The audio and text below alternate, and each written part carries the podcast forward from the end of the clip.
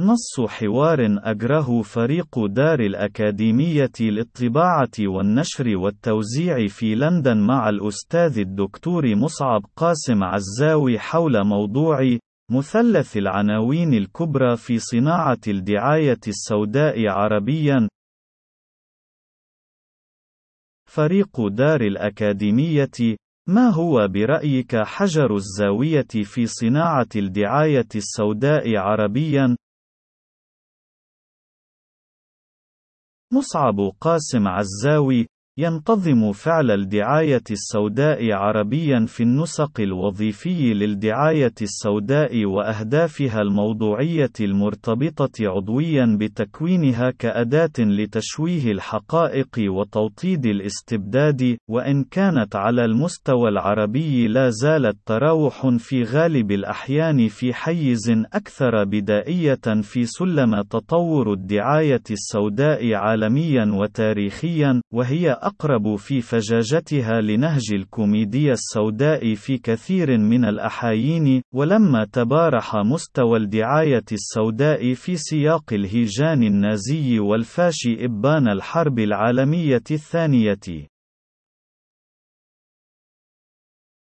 وقد يستقيم القول بأن مثلث العناوين الكبرى للأهداف الموضوعية لصناعة الدعاية السوداء في سياق تكوين الاستبداد المهيمن عربيا يكمن في نقاط ثلاثة، أولها هو احتكار مفهوم الوطن والمواطنة في الخنوع لسلطة وهيمنة الاستبداد وممثليه من الطغاة والمرتزقين من تكوينه المستأسد على كل تفاصيل للحياة المجتمعية العربية، واعتبار كل مارق على ذلك القبول الضمني اللازم قنا مارقا من عديد الكتلة البشرية حبيسة السجون الكبيرة التي يدعوها المستبدون أوطانا، بعد أن سولت له نفسه الأمارة بالسوء ضمنيا أو فعليا سواء بالقول أو العمل لرفض التوصيف الاستبدادي الموطد يوميا عبر ماكينة مدينة الدعاية السوداء للوطن والمواطن الصالح، ليصبح ذلك القن المارق إرهابيا لا دية له، ومعاديا لمصلحة الوطن العليا والدنيا وكل ما يقع بينهما، والتي يجب أن تتطابق وفق قاموس الدعاية السوداء مع مصالح النظم الاستبدادية وأركانها من الطغاة والنهابين والمرتزقة والجلادين، وردفائهم من فيالق المثقفين الطبالين على شاكلة أتياس مستعارة فكريا واجبها الوطني تحليل وشرعنة الاستبداد، وتصوير تهشيم المجتمع المدني والبشر المحاصرين في حدوده الوطنية على أنه دفاع مقدس عن الوطن وسيادته.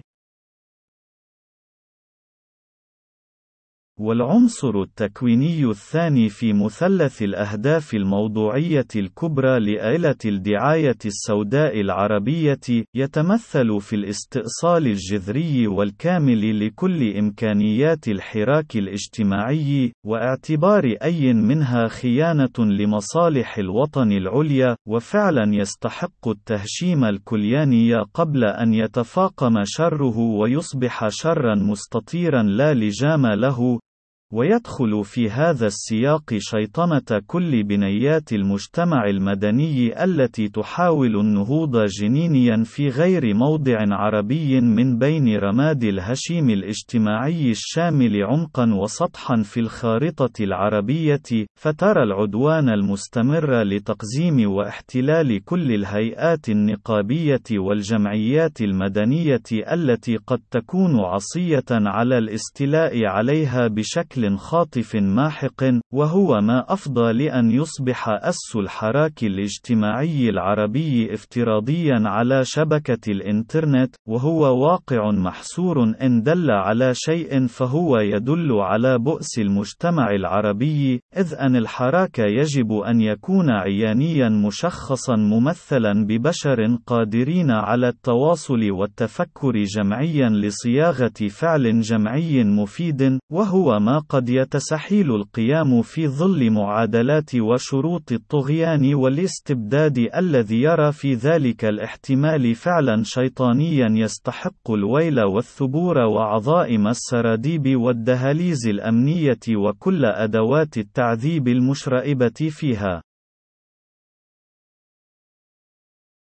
والمحور الثالث في منظومة الأهداف التكوينية العليا لماكينة الدعاية السوداء عربيا يتمثل في ضرورة خلق حالة من الشواش الفكري المتعمد على المستوى الوطني يجعل من شبه المستحيل على المواطن البسيط الذي لا يمتلك الأدوات الفكرية الضرورية لتفكيك طوفان الإغراق المعرفي بالحقائق المشوهة، فيصبح غير قادر على التفريق بين الغث والسمين، وبين الحق والباطل في حمأة تخرصات الدعاية السوداء وخبرائها الخلبيين، فيصبح خيار الاستقالة الاجتماعية أو الابتعاد عن أي احتمال للانخراط في أي فعل جمعي الخيار الأسلم في معمعة الغبار الفكري الذي يراد به اغتراس بصيرة عمياء لدى كل المواطنين من الأقنان غير قادرة على التعرف على ملامح الصالح من الطالح، ويصبح خيارها الأوحد هو الاستكانة والخنوع والقبول بالأمر الواقع المر اعتقادا بأنه شر مستطير